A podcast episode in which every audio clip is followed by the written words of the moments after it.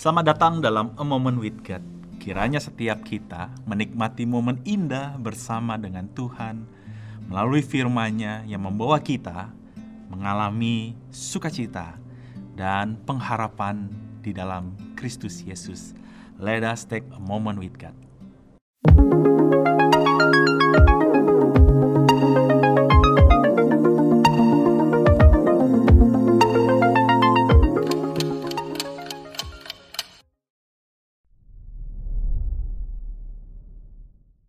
Teman-teman, saya ingin mulai dengan satu cerita. Pada awalnya, Allah menciptakan pemisahan dan perbedaan. Dan ketika bumi belum berbentuk dan kosong, Allah melakukan suatu karya yang begitu besar, yang begitu kreatif, yang disebut dengan penciptaan. Saat itu semua yang ada di dalam alam ini bercampur aduk sehingga menjadi chaos. Lalu Allah mulai melakukan tindakan yang begitu kreatif dia memisahkan terang menjadi gelap, siang menjadi malam, air dari daratan, penghuni laut, dan binatang darat. Dia juga membedakan antara perempuan dan laki-laki. Allah menata segala sesuatunya pada tempatnya dengan cara memilah-milah dan memisahkannya.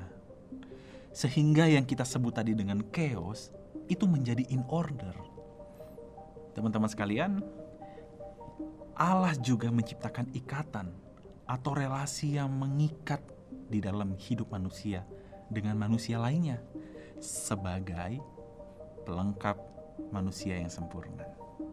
Namun, kejatuhan manusia ke dalam dosa menjadi kebalikan dari setiap tatanan ciptaan yang dibuat oleh Allah. Terjadi pengaburan, terjadi perbedaan dan putusnya ikatan.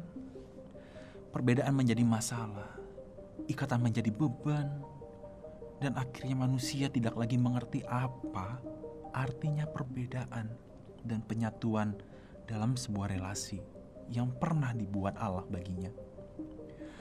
Kerusakan akibat dosa itu membuat manusia menjadi begitu sulit untuk mengerti apalagi berelasi dengan dirinya sendiri, dengan sesamanya, dengan lingkungannya, apalagi dengan Tuhannya.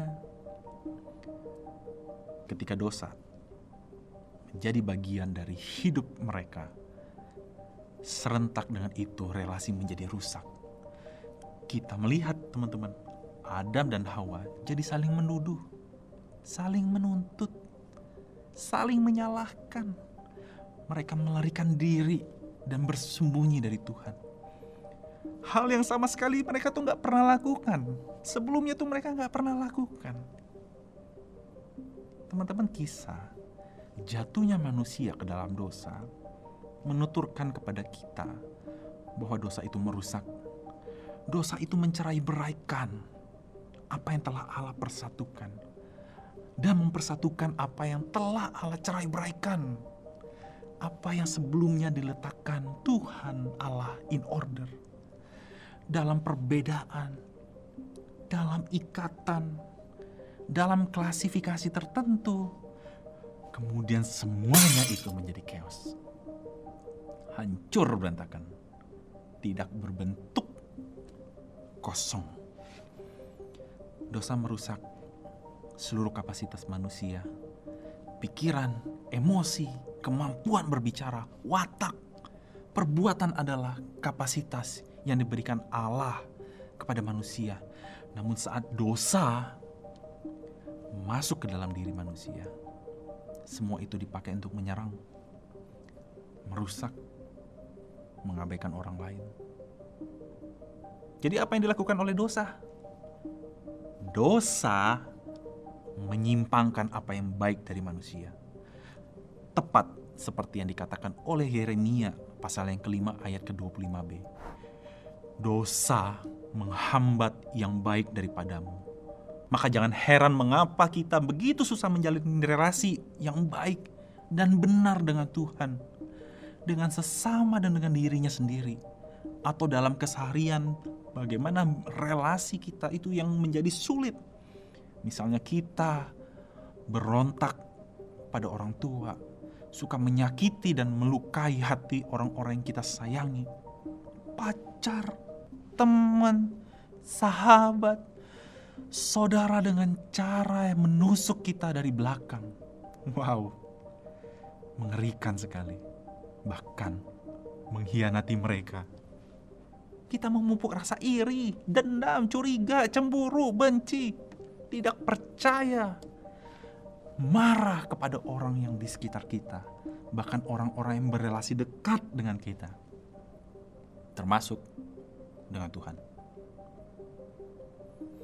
Ketika kita mulai dengan terus-menerus mengikuti pola ini, sesungguhnya kita telah membuka pintu lebar-lebar untuk mempersilahkan dosa itu masuk menguasai hubungan atau relasi kita.